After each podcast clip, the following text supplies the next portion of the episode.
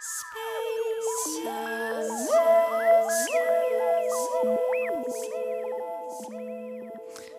lytter til Solveig Speisa-musikk på Radio Rakel FM 99,3. Eh, Denne sendinga her er en del av eh, det som vi har kalt Nights of New Vocalities. Eller De nye vokaliteters natt, kanskje. Eller vokalteknikker, kan man kanskje heller si. Høres litt sånn bedre norsk ut. Eh, Og hvis du sitter og lytter til nattsendinga, så vet du allerede det. Men hvis du lytter til podkast, er det, eller en senere sending, så er det veldig greit å vite at dette da henger sammen med denne Night of New Vocalities, som eh, handler om nye vokalteknikker, eh, om å fornye operaen, eh, slash renewing opera, for deler av innholdet er på engelsk.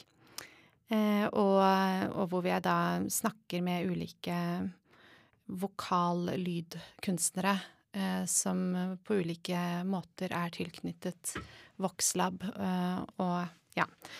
I hvert fall, eh, i dag har jeg en eh, veldig spennende gjest som eh, har vært innom så vidt før, men da bare snakket i et kvarter. Og nå har jeg en hel time med altså polyvokalist Ruth, og komponist eh, Ruth Wilhelmine Meyer. Velkommen til deg. Tusen, tusen takk. Var det en lang og rar introduksjon? Ja, det var ganske presist, det. Ja, Men du er polivokalist, og det skal vi jo snakke mer om, om eh, hva det betyr. Jeg er i hvert fall eh, kjempe, kjempeglad for at du er her. Og denne timen skal vi rekke å komme innom uh, mye i løpet av. Uh, vi skal snakke om lydens fortelling, og om hva som skjer når tekst møter lyd. Eh, vi skal snakke litt om formidling av stemme og utvidede teknikker. Og ulike samarbeid du har eh, med, med folk. Um, vi skal først gå inn på det du kaller One Voice Orchestra, men aller først så skal du få lov å fortelle hva du mener med polivokalist. Mm. Ja. Ja eh, eh, Når jeg eh, skal presentere meg, så er det selvfølgelig så føler jeg å kalle meg sanger blir det forbeholdt noen andre. Eh, jeg tenker det, dette handler om noen andre. Så jeg tenker hva kunne dekke det jeg gjør, og, og slik jeg tenker om musikk og om stemme, så er det at, at det er på en måte Stemmen er urinstrumentet. Det er alle instrumenters urinstrument. Eh, Så stemmen kan være alt. Stemmen kan være alle, alle, alle instrumenter. Og da blir de multivokalist, multipolivokalist, altså, og, og det har jeg det veldig godt med, for det, det sier noe om, om uh, slik jeg hold, forholder meg til stemme, da. ja, fordi du bruker jo stemmen på veldig mange andre måter enn det man typisk hører. Men kan synge veldig dypt. Du har et uh, register på syv og en halv vokal fra sånn dyp, dyp eh, strupesang fra bunnen av helvete, holdt jeg på å si, og er oppe i sånne helt umulig lyse toner. Så ja, hvis det, da må det være lov å kalle seg polivokalist. For det er jo flere, høres ut som flere instrumenter. Det var kanskje litt det. Ja, og jeg føler egentlig at jeg jobber litt med Jeg øver veldig forskjellig med de ulike instrumentene. så, så jeg har det bra med det uttrykket. Ja. Det, og da har du rett og slett lagd et, eh, et prosjekt som heter One Voice Orchestra. Ja, og det har blitt ø, født sånn gjennom flere år de siste årene, så jeg tenkte at jeg må lage eh, et eh, prosjekt både til live bruk og til innspilling, hvor disse ulike vokalitetene eller ulike vokale uttrykkene møter hverandre. For det kan jeg ikke gjøre samtidig når jeg synger. Da må jeg ta én for én. Men jeg har så lyst til å, å Eller drømmer om å høre disse vokalitetene møtes, fordi at det kan ingen instrument gjøre. Det er jo bare stemmen som kan gjøre det. Og så rett og slett orkestrere min egen stemme som om jeg skrev for blåser og strykere og, og, og slagverket og alt sammen, da. Men bare at du kan utvide hele høreopplevelsen som et orkester når du bare bruker stemme. Men de ulike instrumentene i orkesteret ditt har du, som alle er laget av din stemme, eh, eller er din stemme, eh, har du gitt dem noen navn eller noe sånt? Sånn, Nei, ikke ennå. fordi at, fordi at man, man kommer liksom inn i et uh, Jo mer jeg jobber med dette prosjektet, da, jo mer ser jeg vil altså, tale prosjektet sjøl. Fordi at uh, da skjønner jeg at ai, jeg kan bruke én teknikk, og så kan jeg lage et helt lite stykke bare med den teknikken og med flere lag av den teknikken, som får en fortelling som står opp mot neste sats, som har en helt annen fortelling, for jeg bruker en annen teknikk der. Og, og så kan jeg kanskje lage mer orkestrale eh, med linjer, altså fiolin, blåseraktig karakter, og, og akkordmessig eh, lagt opp. Og, men så kan jeg lure inn noen rare lyder oppi der, sånn at, at uh, jeg håper, altså sånn, sånn, som jeg hører det for meg, at det kommer til å bli, så blir det noe som Oi, oi, oi, dette tror jeg faktisk ikke jeg har hørt før. For jeg har ikke hørt det sjøl, da. Men jeg lengter etter å høre det. Det er liksom drivkraften min til å gjøre det. Ikke sant? Mm. Og fordi du kan ikke gjøre det samtidig, fordi du kan Altså det går ikke an fysisk å synge alle samtidig. Kan ikke være både... Men kan du synge dem etter hverandre? Ja, ja. Det kan du. Selvfølgelig. Ja, Men det blir liksom det med å lage, bruke det som et, ja. et, orkester. Ja, det er kjempe, kjempegøy. Vi skal høre uh, en, en, sats, eller hva skal man Ja, du kan si at ingenting av dette er, er publisert ennå. Det er i, i eh, oppstandelse, holdt jeg på å si. Det mm. blir, blir, laget for tiden. Og, og, selve starten drømte jeg faktisk. Og, og så jeg, eller jeg så den i en slags sånn fremtidsgreie. Sånn, Sånn må den bli. Klarer du å huske det du har drømt når du våkner? Nei, jeg var, jeg var inne i en slags sånn Jeg var inne i en slags ikke, Jeg vil ikke si hypnose, men jeg er inne i en slags sånn um, Jeg har en fantastisk coach, og så sa Ja, nå har vi jobbet litt med fortid og sånn. Kan, ikke, kan vi ikke hoppe inn i fremtiden istedenfor, da? Jo, jo. Gjerne for meg. Jeg syns det var kjempegøy. Um, og så bare guida hun meg litt i en roligere bevissthetstilstand, liksom. Og så og så spurte hun meg et par spørsmål underveis, og så plutselig så begynte jeg å høre begynnelsen av hele dette stykket. Da. Og så og så det, så kommer det, så kommer det. Og så etter hvert så sa jeg nå må du ta meg tilbake, for nå må jeg begynne å skrive ned, for ellers så glemmer jeg dette. Så, så, det vi hører nå, det er liksom eh, noe av Bare et lite utsnitt av noe jeg hørte i, som en slags sånn fremtidstilstand, eh, da. Jeg vil også til den coachen. Hva slags coach? Ja, ja, det kan jeg, jeg kan snakke litt ok, da, da, hører vi eh, Våpenhus sommer. Ja, heter det? Eller er det bare Fila som heter det? Eh, våpenhus kan vi bare kalle det. Våpenhus, da. Mm.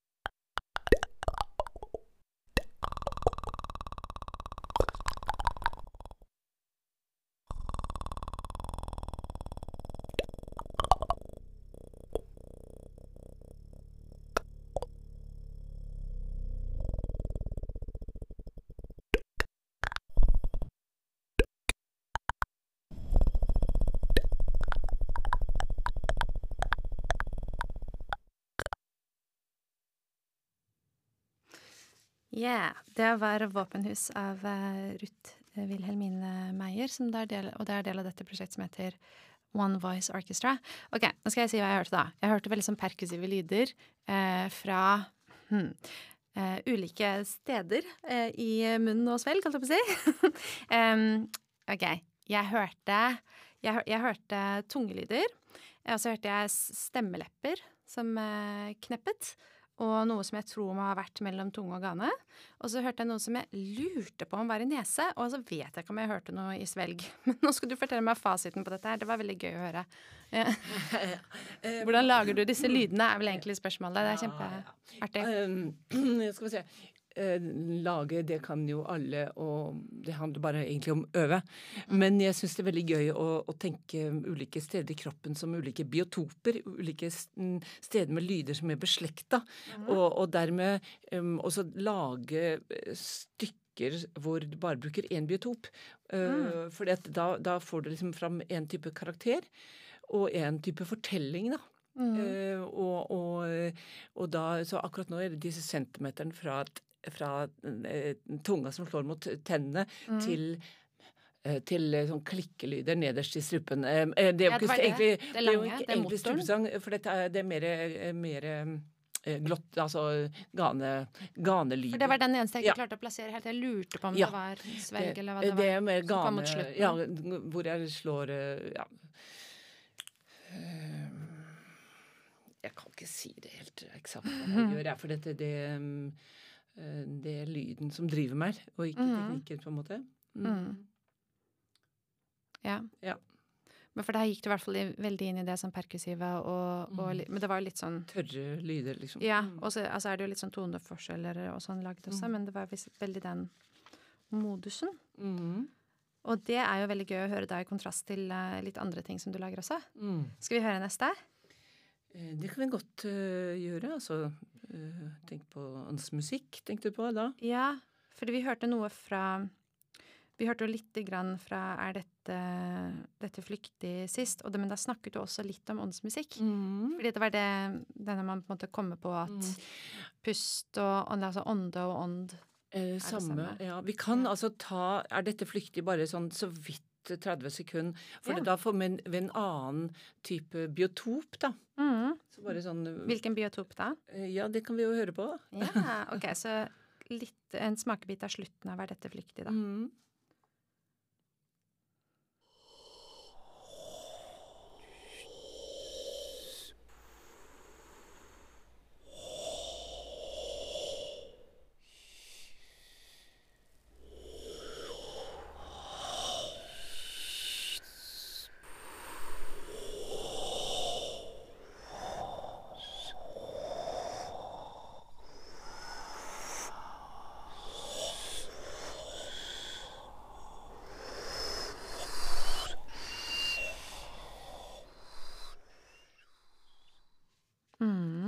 Mm. Det er sånn vind sånn nede, ved, nede ved sjøkanten om natten. Kommer det sånn vind Ja, veldig fint. Mhm. Så Ja, den biotopen var Ja. Da er jo, da er jo bare, bare pusten jeg bruker. Mm. og, og, og overtone Dette var bare en liten, et lite utsnitt. Mm. Men forskjellige, forskjellige overtonerekker i, i pust, pustemodus, på en måte. Mm. Og den eh, Det er et tredje eksempel fra denne serien her, da. Og det er den som heter Åndsmusikk. Mm, den er spilt inn i Vigelandsmausoleet. eh, og og eh, ja, også bare en, det er en råmiks vi hører nå. Og eh, da er det vel det derre uh, pusteaktige uh, ånd, ånde uh, som møter tonen, på en måte, da. Eh, Og mm, ja, jeg tror ikke jeg vil si så mye mer, jeg.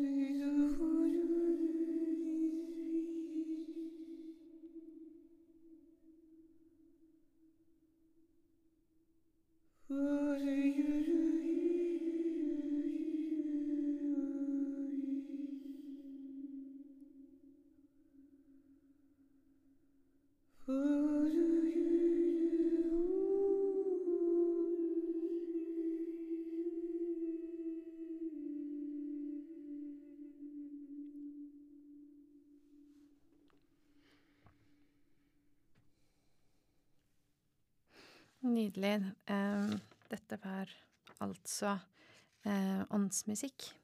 Spilte inn et veldig åndelig rom, eh, ikke sant?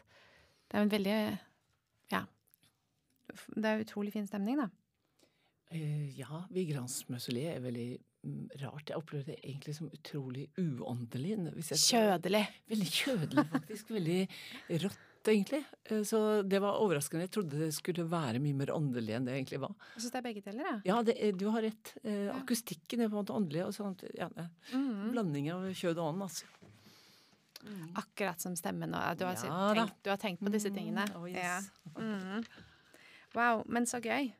Eh, men jeg, eh, jeg trodde kanskje at jeg skulle høre mer sånn lag oppå hverandre jeg, på det der eh, One Voice Orchestra. Eller gjør du det også? Ja, ja. Det er bare jeg ikke kommet så langt. Nei, men ja, det ja, kommer, ikke sant? eksisterer bare i min, in my mind. Ja, ja, ja. så ja men da vet vi, da vet midt vi. inne i produksjonen av det. Ikke sant? Så vi får, Så det er mer kommer. vi skal lytte Ja, ja. etter etter hvert. Mm. Så utrolig gøy. Um, jeg bare lurer på om Jeg har egentlig veldig lyst til å høre litt Nå hopper jeg litt, da. Mm. Men om vi kan gå litt på dette med, med å undervise i vokal. Det kan vi godt gjøre. Ja? Og så kan vi komme tilbake til disse Mm. de andre samarbeidsprosjektene Mm. dine etter det. Fordi du har jo blant annet en, en stilling da på Å, øh, herregud, hva heter det? Akademiet for scenekunst. Mm. Norwegian Theatre Academy. Eh, som stemmelærer. Mm. Så, så hvordan, hva er det som er viktig, eller hvordan er du som, som stemmelærer, tror du, eller hva er det du fokuserer på? Du skal jo også snakke litt om det, eller, på dette, eller har snakket om det på dette seminaret, Mm. Renewing Opera. Mm. Eh, altså det jeg um, er opptatt av eh, når, det, når jeg underviser, og egentlig med lyd, da, det er lyden troverdig. Og hva er en troverdig lyd? Det er jo et interessant spørsmål. Men hvis lyden eh, er en del av hele kroppen, en del av hele, hva skal vi si, alt fra kjernemuskulatur til at den eh, får lov til å svinge i hele kroppen og være en del av hele kroppens eh, grunnstruktur, eh, også muskulært og energimessig, på en måte, så, så får du en helt annen lyd enn hvis du eh, bare produserer den med med stemmen, på en måte, og med kanskje bukmuskulaturen og sånn som må til for å lage lyd. Men, eh, men det å, å, å forene eh, den lyden du lader, mm, eh, lager med, med en slags kroppslig tilstedeværelse, det er for meg noe av det viktigste, egentlig. Så der er jeg ganske sånn Jeg er ikke så streng, men jeg er ganske sånn fordi at enten er det lys, eller så er det ikke lys. Sant? Altså Enten er det energi slik at det blir lys i en pære, eller så er det ikke energi, og da blir det ikke lys. Og, og egentlig så er det samme med lyden. At en lyd kan ha en energi, eh, altså en slags sånn lys i seg, da, eller hva man skal si, um, og eller ikke. Og da, og da blir det bare lyd. Og hvis jeg har seminarer og sånn, så, så merker alle i rommet det akkurat på samme tid. Alle får gåsehud akkurat på samme tid, i samme sekund, fordi at alle kjenner forskjellen på uh, om det er eh, energi i tonen eller ikke. Mm. Og dette gjelder også hvis du har instrumentalister og skal jobbe med feler eller, eller, trekkspill eller um, Uansett hvilket instrument, uh, så handler det om akkurat samme. Mm. At, at kroppen, at instrumentet og kroppen uh, har, blir samme kropp, på en måte, da.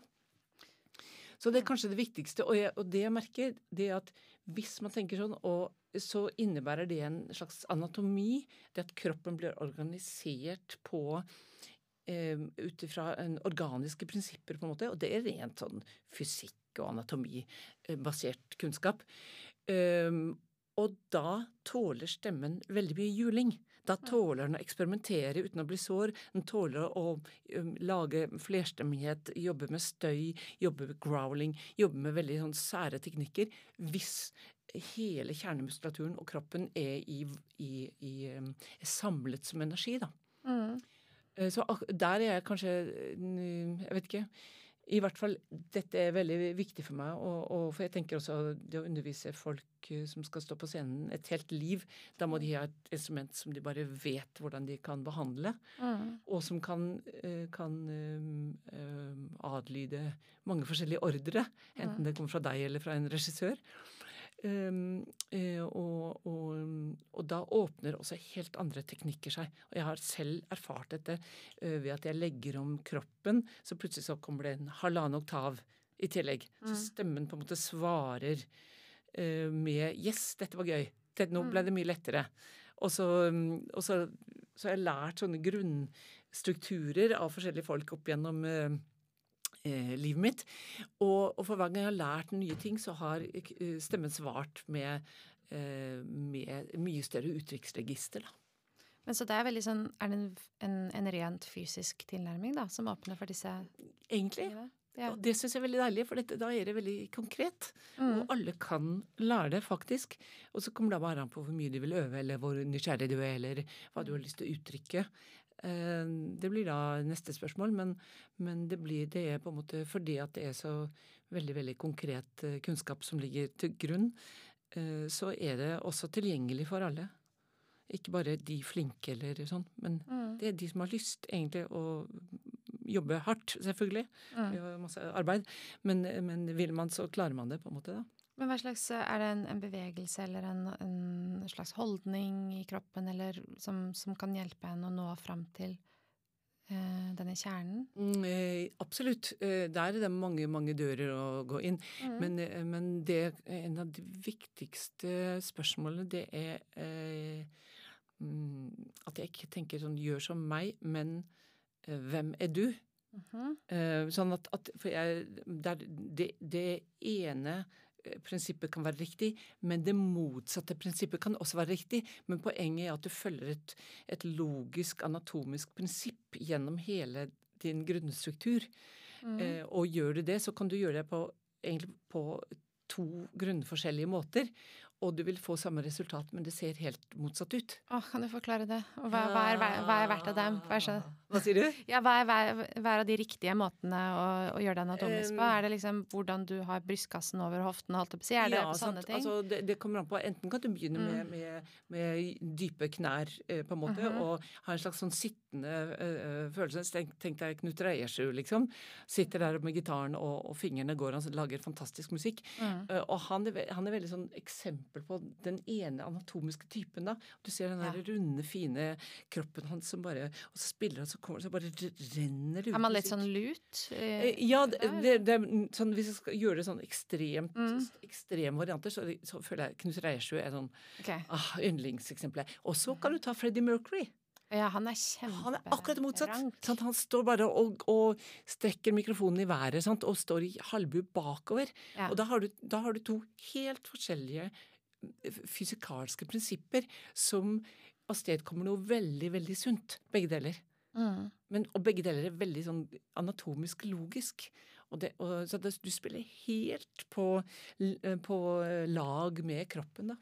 Mm. Og da, det har enormt mye å si for, for vokalitet, for uttrykksregistre, uttrykksmuligheter, men ikke minst for pusten og pustelengden. Men tror du, tror du Freddie Mercury støtter stemmen liksom mer med med liksom ryggmuskler og setemuskulatur og sånn, siden han står sånn? Mm, eller? Nei, jeg tror han, han, hadde utrolig forankring eh, nedover i beina. Ja. Han liksom kjørte fullstendig tyngde nedover. Og så lar han den tyngde han, Dette gjør han selvfølgelig ikke bevisst, for han har sikkert ikke tenkt over dette her, men han har bare sett at dette funker. Det funker mm. også veldig bra på scenen, det ser ja, ja. gøy ut og, mm. og, sånn. Så han har sikkert bare lekt seg inn i det. Men ved, ved å gi veldig, veldig tyngde nedover, så skyter du deg selv bakover. Mm. Så det er, det er virkelig eh, athletics, på en måte. Det er veldig sånn Men stemmen hans projiserer ganske mye forover. Ja, litt sånn nei, egentlig så gjør den ikke det, for den Ah. projiserer skrått bakover. Gjør den Men, det? ja, men så går den, og da går den bak, og så kommer den på en måte tilbake ut i rommet. Ah, Akkurat som Kirsten Flagstad. ok. Same thing. Oh yes. Du kan se det stå, stå ved, dra ned til operaen og se, utstille, se um, skulpturen av henne. Ja. Akkurat sånn utstår du ser hun totalt forankra. Ene foten Mm. har eh, lodd, andre bare støtter. Og så åpner hun seg, og så ser det ut som hun synger utover havet. Men det hun gjør, det er å liksom suge havet mot seg, og så bare okay. Og så kunne man høre det på bakerste benk eh, på Metropolitan. Ja, men var det ikke en eller annen Hva heter hun? Birgit Nilsson, eller mm. Ja. Fordi jeg, jeg hørte om henne fra min operasyngende søster at hun ikke Tror jeg Nå skal jeg være helt sikker, men jeg tror hun sa at hun ikke hørtes opp, Stemmen opplevdes ikke så veldig høy på nært hold, Mm. men, Men, man hørte det ja. liksom kjempelangt og det tror jeg Jeg har ikke sett Birgit Nilsson, jeg har bare hørt henne. Så jeg skal sjekke ut det visuelt, for jeg kan lese liksom lyden av hvordan kroppen. Mm, men det med altså hvilken vei den projiseres og sånn, er det det samme som hvor den på en måte er plassert i f.eks. masken og kraniet? Eller er det noe ja, annet? Ja, egentlig så, så um, Du kan si at, at det får følger for hvor det responderer mest og resonnerer mest i, i, i kraniet og, mm. og i masken, på en måte. Men, men, og det ene kanskje litt mer sånn, andre litt mer sånn, men i, til Det er forbausende hvis du, hvis du kan det, så er det forbausende lite forskjell på det. Ok. Det, Ja. det, derfor er det, det er ganske interessant. eh, fordi at eh, når man øver på det, så, så ser det ut som det er veldig veldig forskjellig. så, så hvor sitter Freddie Mercury? Hvor resonnerer den mest? Eh, da? og det har jeg ikke helt i øret. Det kan jeg ikke svare. Det må jeg, da må jeg se han, og så kan jeg si ah, se Ja, der, se der. For du må faktisk Ja. se det og se. Ja, Ja. fordi at jeg, Jeg kan høre det om, men da må jeg ha det. Jeg har ikke det så Han har fall altså. Klangen hans sitter i hvert fall ikke veldig langt bak.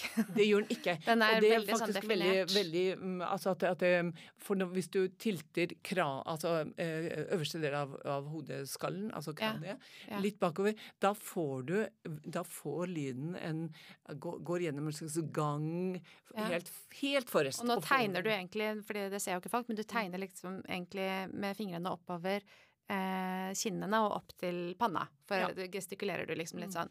Var kanskje det jeg blandet litt med prosjeksjon. Ja. Men han, han, er en, han er en av mine favorittsangere. Ja, han er jo Ja. helt fantastisk. ja, fordi, men det er veldig mange andre sangere som står mer sånn med haken ned, og da kjenner de kanskje mer Ja, det, da, al- al- altså det som jeg kanskje tenker ofte på, at i, i sånne klassiske sanglærerbøker, Ja. så står det, det da, Det er akkurat som man har tenkt at kroppen skal være sånn opp og ned. At det er liksom det riktige. Men da får du, da får du en, en viss sånn spenning i halsen, du får en viss sånn trøkk på, på, på i, i- eller, liksom tett i stupeområdet. Ok. Ah, I stedet for at du får åpna bakover, da. Eller, eller sendt det gjennom bakhodet og inn gjennom panna framover, liksom. Som blir akkurat det motsatte. Men det er veldig morsomt, for jeg vet at det er litt sånn um, Det som er idealene da for operasangere, eksempel, hvis vi skal komme litt inn på det med, med å fornye opera, der er det jo en del sånne idealer som kanskje har forandret seg litt, litt gjennom tidene. Mm. At, at før var det helt streit å synge med en ganske sånn um, ren og ikke smal øh, hva heter hun fantastiske sangeren? Husker jeg ikke hva hun heter. Men mens nå tror jeg kanskje det er mer sånn at det skal være veldig sånn rundt og stort og ganske sånn mørk klang. Og hvis man ikke har akkurat den klangfargen, så kanskje man ikke kommer noen vei. Men det du sier nå, er det Ønsker du på en måte å åpne for flere typer klangtyper som passer ulike teknikker, eller hva er din stance på det, liksom? Ja, altså jeg, Nå jobber ikke jeg så veldig mye i den klassiske verden for tiden, men Mm. min professor i, fra Østerrike, Otto Raspichler, han har jobbet på Mozarteum eh, i en årrekke og Mm. jobbet med de beste eh, klassiske sangerne i øyeblikket. Mm. Eh, og og, og, eh, og um, da kan du si at, at um, det kommer jo an på stemmefag og estetikk og, og, og, og tradisjon. Og, og særlig den tyske tradisjonen, um, i hvert fall en del av den, så, så tillater man mye mer slankhet nå enn det man har gjort før, da. Og det kommer tilbake. Um, det virker sånn, men det, det her har jo veldig mye smak og behag å gjøre, og hva man, Mm. hva man uh, liksom dyrker. Uh, og, uh, og, nå kommer vi inn på noe som er et helt annet tema, tror jeg. Ja, men det, det kunne vi godt snakket om. Uh, ja. ja, nei. Jeg bare tenkte, siden det, siden det også er dette med å fornye operaen, at ja, du skulle snakke ja, litt på det. nei, det er um, men det kan godt hende at jeg har gått assosiert helt mm. feil vei, og da går vi bare tilbake til et litt mer kjent poeng. Nei, men, det, det terreng. Mm. Nei, men la oss ta det ved neste korsvei. Ja, absolutt. Bare veldig irriterende at jeg ikke husker hva hun heter, hun fantastiske sangeren. Cecilie Bartoli? Nei, hun er også helt, uh, helt uh, fantastisk. Um, nei, jeg skal Jeg sender en SMS og ser om jeg får svar, for da skal jeg nevne det, for det er veldig gøy. Og så skal vi snakke om noe annet imens. Hva sa du? Ikke Netrebko? Nei, fordi hun har mer den som er sånn idealene, som er sånn mørkt og lyst. Ja, det, men sånn hun er russer, sant? Ja, så hun har jo en mm. annen Kommer fra en annen skole, rett og slett. Ja. Ja, mm. men det er, ja, fordi at eh, Jeg har skjønt det der at det er Men jeg, jeg kan ta det mer mm. en annen gang med noen som er veldig glad i å snakke ja, om opera. Det er. Og disse, dette fachsystemet og slikt. Vi skal snakke om det du er mest eh, glad i å snakke om. Og vi kan egentlig det var kjempegøy å høre om, eh, om disse, altså vokalundervisningen og hvordan man kan stable kroppen på to helt ulike måter. Mm. Enten det er veldig sånn nesten lutrygget og fremoverlent, og så kan det funke akkurat like bra som det å gjøre de helt motsatte, som er å stå sånn kjempe kjemperak, eh, som typisk Freddie Mercury, da. Det er ikke rak, det er mer at han luter ja, bakover, bakover, nesten. Ja, han er litt sånn nesten som en sånn banan. banan ja. ja, kjempe, kjempe, kjempegøy. Og at man da kan rett og slett herse litt med stemmen uten at det er noe problem, mm. fordi at man har den kjernen. Mm. Det er kjempegøy. Men vi skal høre litt det, det kan godt vi kommer tilbake til mer enn det, fordi du, du er jo bare stemme teknikk, holdt jeg på å si. Altså, du, du, har så utrolig mange eh, måter å bruke stemmen på. Så, men hvis vi kan gå litt tilbake til disse um, samarbeidsprosjektene dine, så eh, var det litt dette her med eh, Lydens fortelling med en annen fantastisk komponist som heter Nils Henrik Asheim. Og han jobber jo en del med orgel, uh, vet jeg. Og da spiller han jo Nå har ikke jeg fått hørt dette her ennå, men han orgel har jo veldig mange mørke toner, og det har også strupesangen. Og nå fades det litt inn her, og så skal du få lov å fortelle litt om dette samarbeidet. Jeg kan begynne med å fortelle akkurat da vi skulle spille inn plata vår Vox Humana eh, på et barokkorgel nord i Polen. Så så jeg på Da var det altså fullmåne. Det var øh, vind, ganske sterk vind og 24 grader på natta. Mm. Så det var sånn varmt vind, fullmåne. Og da vi satte på opptak på denne låta her, så var klokka 0000. Mm. Og så gjorde vi denne her i one, one take. Um, og den heter De profundis. Fra dypet roper jeg. Wow. Skal høre litt videre på den. Amen.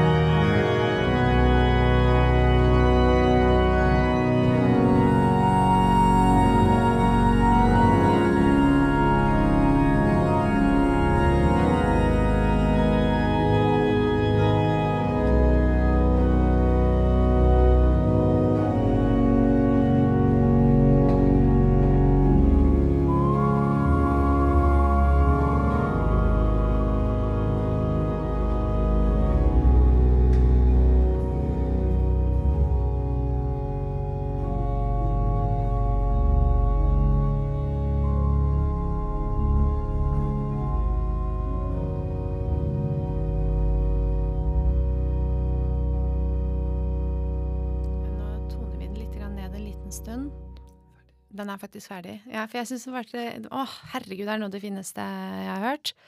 Ja. Tusen takk. ja, vi syntes den hørtes ferdig ut, men vi hadde egentlig tenkt at vi skulle snakke litt på mellomdelen. Men det var jo bare umulig å skru den ned, for det var jo så utrolig fint.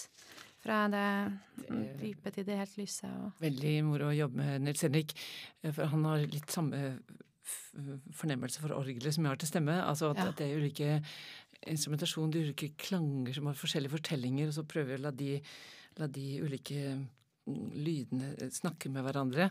Så vi prøver å nærme oss hverandre på noen av stykkene vi gjør, i hvert fall. At vi prøver virkelig å blande eh, klanger, da, med orgel og stemme. Så vi, jeg tilpasser meg orgelet, og han prøver å tilpasse meg. Mm. Så det er et veldig, veldig morsomt prosjekt. Kjempefint. Jeg syns det burde være til en eller annen film eller noe. Mm. Eller det er dritfint i seg selv, men jeg tenkte også det, da. Mm. Det er et kompliment.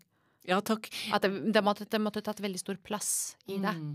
Men det er gøy, for det er jo Vi snakket litt om lydens fortelling. Altså at, at mm. selv hvis vi jobber uten ord, så kan på en måte lydene Det vet vi jo selvfølgelig fra filmmusikk, men, men jeg er veldig sånn Det er en veldig stor del av min kunstnerisk bevissthet, på en måte. Det at, å, å, fortelle historier. Ikke nødvendigvis at publikum skal høre samme historie som jeg har, men eh, likevel at, at, jeg, at jeg, har en slags storytelling um, attitude. Mm. Uh, selv om man jobber ganske sånn nøkternt klanglig, så har man uh, en lyst til å fortelle, fortelle noe. Mm. Ja. Men hvor Ja, jeg vet ikke hva jeg skal si om det. Altså, det er så drittfint. Tusen takk. ah. Men det var, veldig, det var på en måte veldig lett å like også, da. Det var liksom sånn Altså, det er jo ikke all musikk man, man liker med en gang. Noe, altså, det der var bare sånn det går liksom rett inn. Ja, altså jeg har en, en veldig god venn, han er skulptør i, i, i Danmark, har laget skulpturer til, til dronningen mm. i Danmark. Til flere av hennes parker. Store skulpturer. Og, og Klaus Ørntofte heter han. Og han sier mine skulpturer skal gå rett i soloplexus før de går til hjernen og, mm. og, kunnskapen. Og det har jeg overtatt som valgspråk. Jeg har så lyst til at min musikk skal, skal gå rett i kroppen og oppleves direkte. Mm. Og så kan man analysere og lage form og uh, finne ut teknikk og alt mulig rart. Men, mm. men jeg liker den derre direkte Eh, fra kropp til kropp. Det er jeg veldig, veldig glad i og, og, og tror på, liksom. Så det, det, er en del av det av drivkraften min. Så hvis noen sier at det, det var deilig, eller et eller annet mm. så for meg det og det og sånn, da, da, føler jeg at yes, da har jeg, jeg er kanskje inne på noe av det jeg egentlig søker, da. Mm. Og det blir spilt inn i en månelys natt storm, en varm månelys natt i nord i Polen, på en øde eh, øde liten klosterkirke med et nyrestaurert barokkorgel, så ja. man hører de klokkene som Og da kunne Nils Henrik trykke på en knapp, og så var det en sånne et sånt hjul med klokker som begynte å gå rundt. Eh, så på slutten der så hører man noen klokker, da. Mm. Så det, det, var veldig spektakulært og rart eh, å spille inn der, da. Mm. Vakre de veldig lyse tonene dine på slutten der også. Tusen takk. Og da var jeg liksom usikker på om det var én eller to toner. Var det, for det har blandet seg liksom med orgelet også. Det er akkurat det. Var det, ja. Um, det var Jeg gjorde ikke flerstemmighet der i toppen, nei. Mm, det bare blenda så utrolig mm. bra med orgelet. Vi skal høre litt mer av det du har gjort med Nils Henrik Asheim. Um, Tråd duvor. Två duvor, ja. Två. Ja, eh, To duer. Den er, det er en sang som jeg lærte av Agnes Buen Garnes. Jeg har jobbet lenge med henne. Mm. Og så har den sangen fulgt meg videre. Og, og, og, og, det er liksom noe av ideen å, å, hente ut altså to duer, altså fugler, hente inn mm. og det som er utenfor kirken. Ta det inn i kirken og la uh, orgelet bli en del av det der naturaktige. da, Sånn at mm. du, leker litt med den der indre og ytre verden, på en måte. da. Mm. Um, så vi kan jo uh, Høre litt på det. Få turer.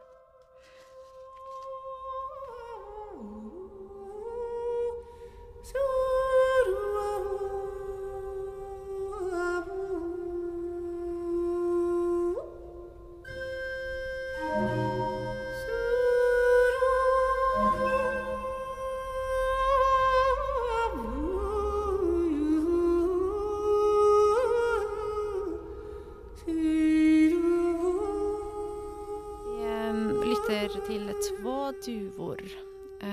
altså også er et samarbeid mellom eh, deg, Ruth Wilhelmine Meyer, og Nils Henrik Asheim.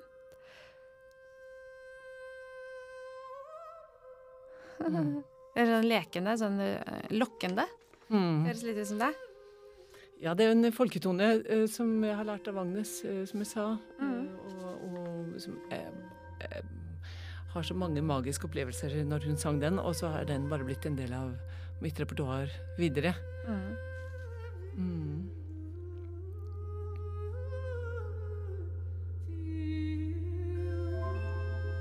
Ja, begynner det å skje litt spenstige ting der. Mm. Hva er det vi hører nå? Han spiller litt orgel. Nils Henrik, han er, hans fantasi har ingen grenser. Men ja, improviserer han her, eller er det noen har skrevet? Dette improviserer han. Mm. Mm. Det vil si, han er, jo, han er jo en komponerende improvisatør, på en måte. Han, han, jeg tror den improvisasjonsmusikeren i han og komponisten i han snakker veldig tett sammen, egentlig. Mm.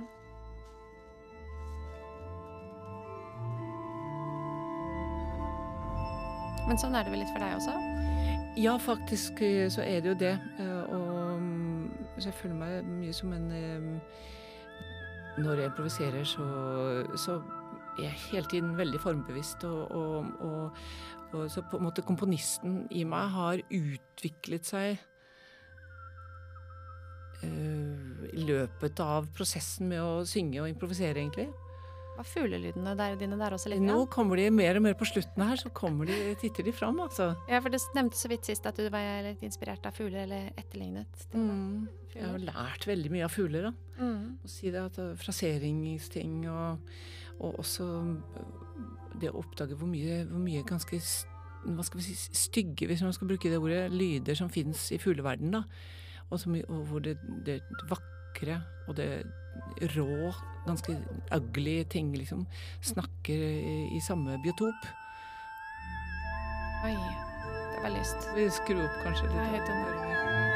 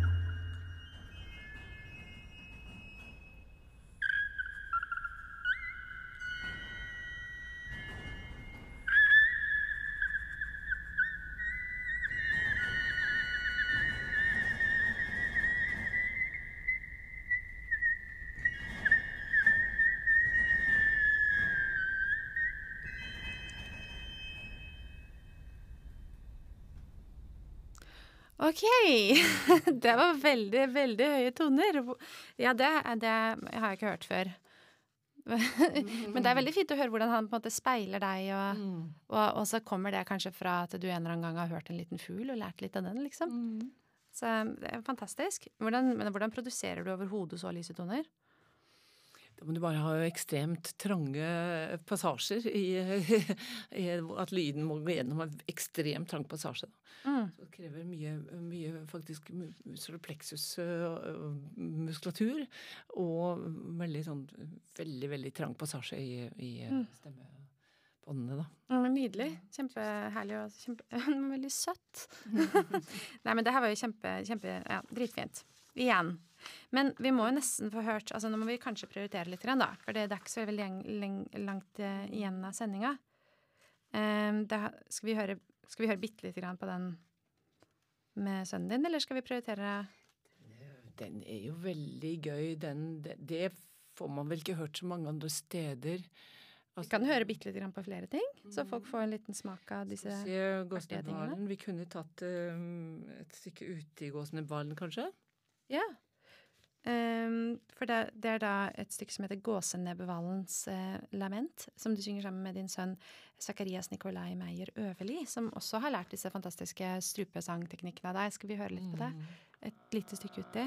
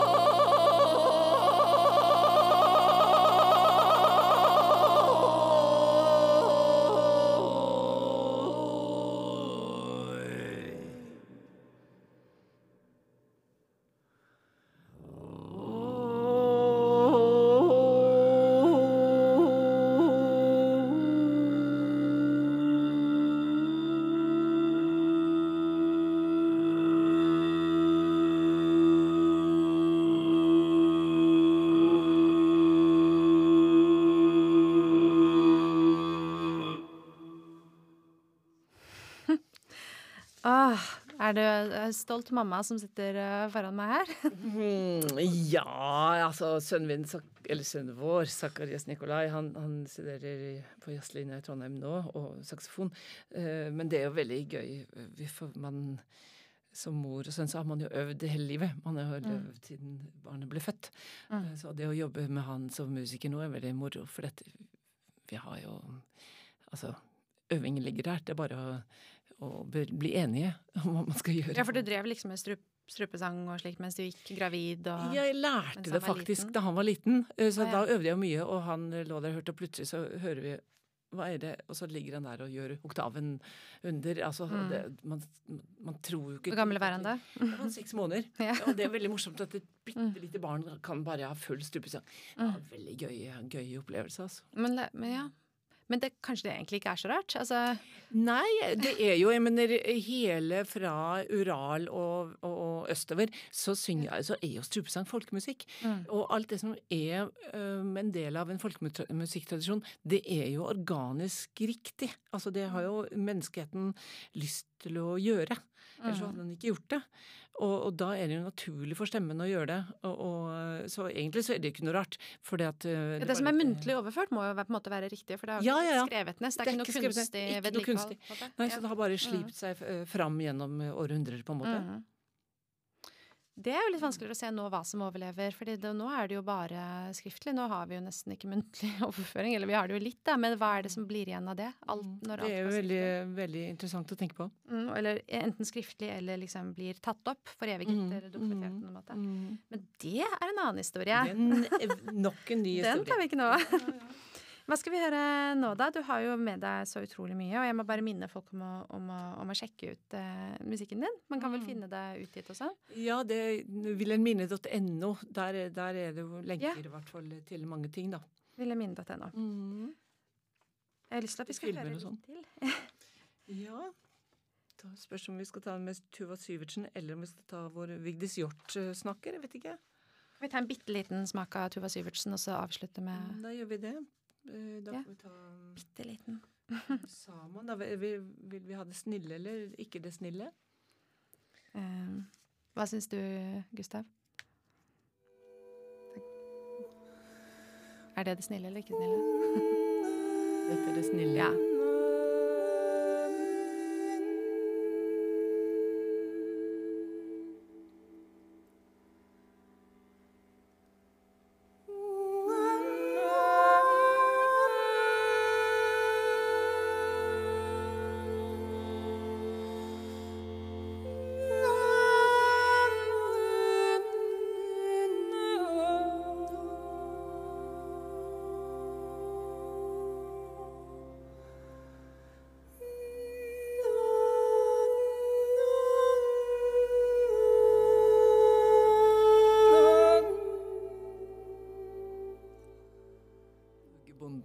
Et stykke jeg gjorde for um, Telemarksfestivalen. Et bestillingsverk i 2019 mm. med Espen Leit, uh, Tuva Syvertsen, uh, Per, uh, per Anders Bungarnås og noen dansere fra Bø.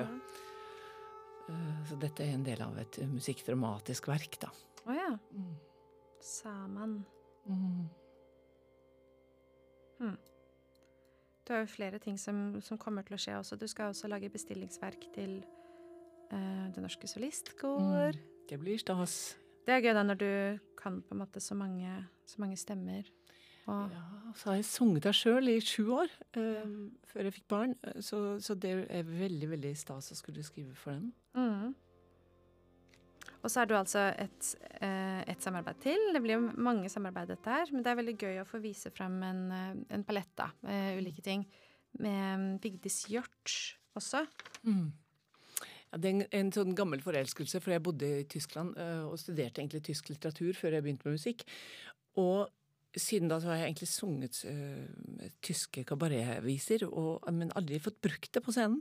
Mm. Og nå i dette prosjektet med Jørn Skiben Øverli, som har gjendikta Brecht til norsk, og mm. Espen Leite på trekkspill, og, uh, og Vigdis uh, Hjort, som uh, leser litt Brecht og snakker Brecht, og, og Mm. så synger jeg Og da er jeg både liksom instrument og lydmaker og, og, og, og eh, kabaretsanger, på en måte. Så, så Mm. får brukt noe av det tyske språket, og, og det er veldig deilig. Og Brecht er jo helt fantastisk å jobbe med, da. Men da skal vi rett og slett avslutte med det. Dette er eh, Das Moldau Lied. Og tusen, tusen hjertelig takk til deg, Ruth Wilhelmine Meyer. Tusen takk for at jeg fikk komme. Det Stas å være her.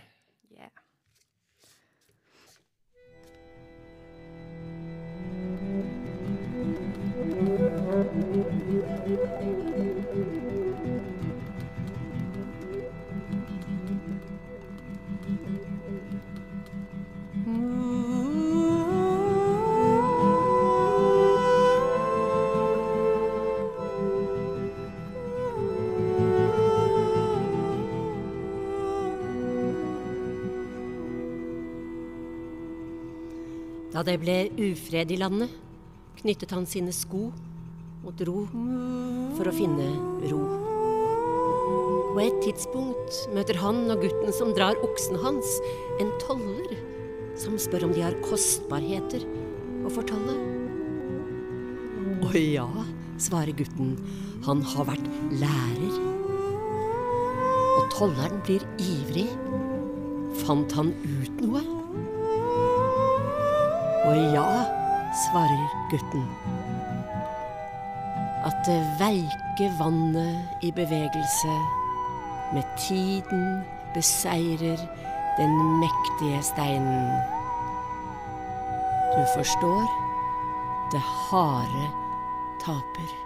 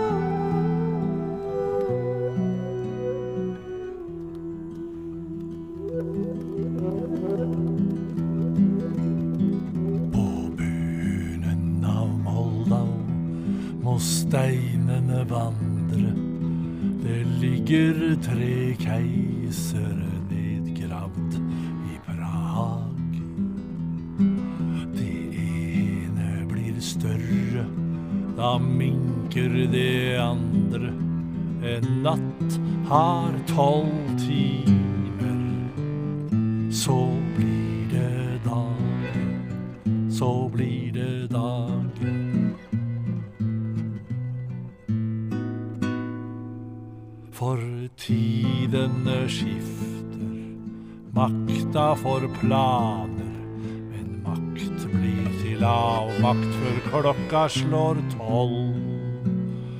Om makta vil te seg som blodige haner, vil tidene skifte.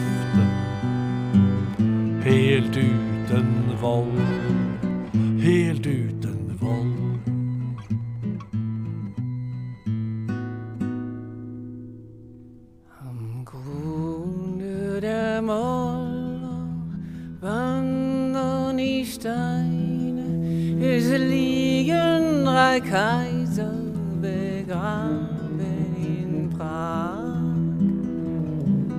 Das Große bleibt groß nicht und klein nicht das Kleine. Die Nacht hat zwölf Stunden,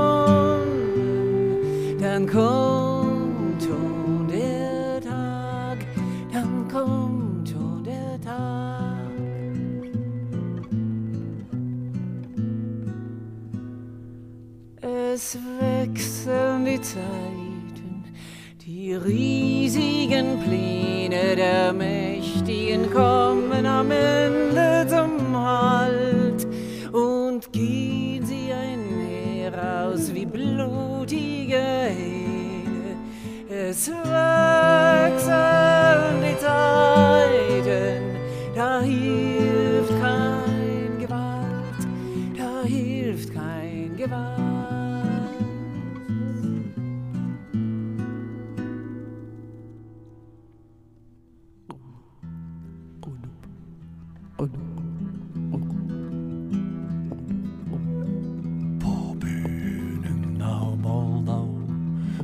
steinene vandre.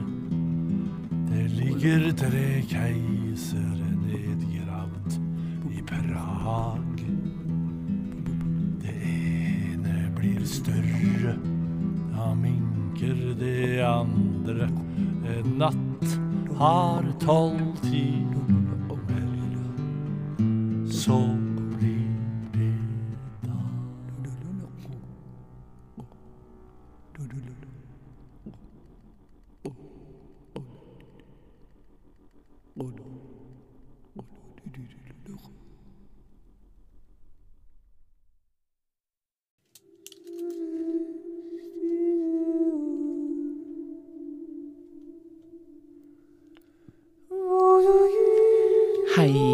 heter Ruth Wilhelmine Meyer.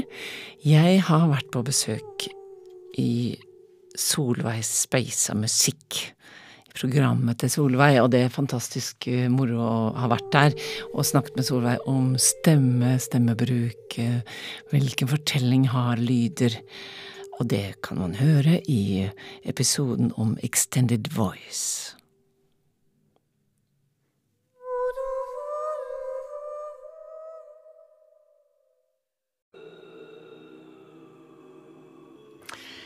This is always Space Music. My name is Franziska Baumann. I will talk about extended voices, ancestral life electronics, and various aspects of vocal compositions.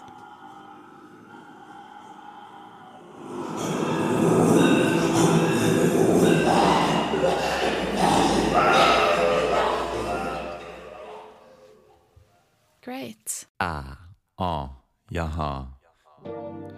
Dette her er Dr. Kjell fra Sinsenfist. Ja. Du hører på Radio Rakel på FM 99,3. Tune inn på tirsdager klokka seks for å høre på Solveig Speisa musikk. Henne på stereo. Ja.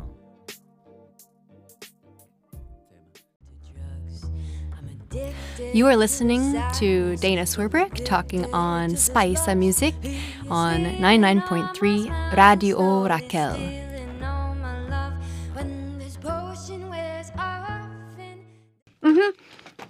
Du må si sånn. Du lytter til Solveig Speisa musikk, sånn. Greit. Jeg skal bare drepe denne yoghurten. Fordi jeg hater å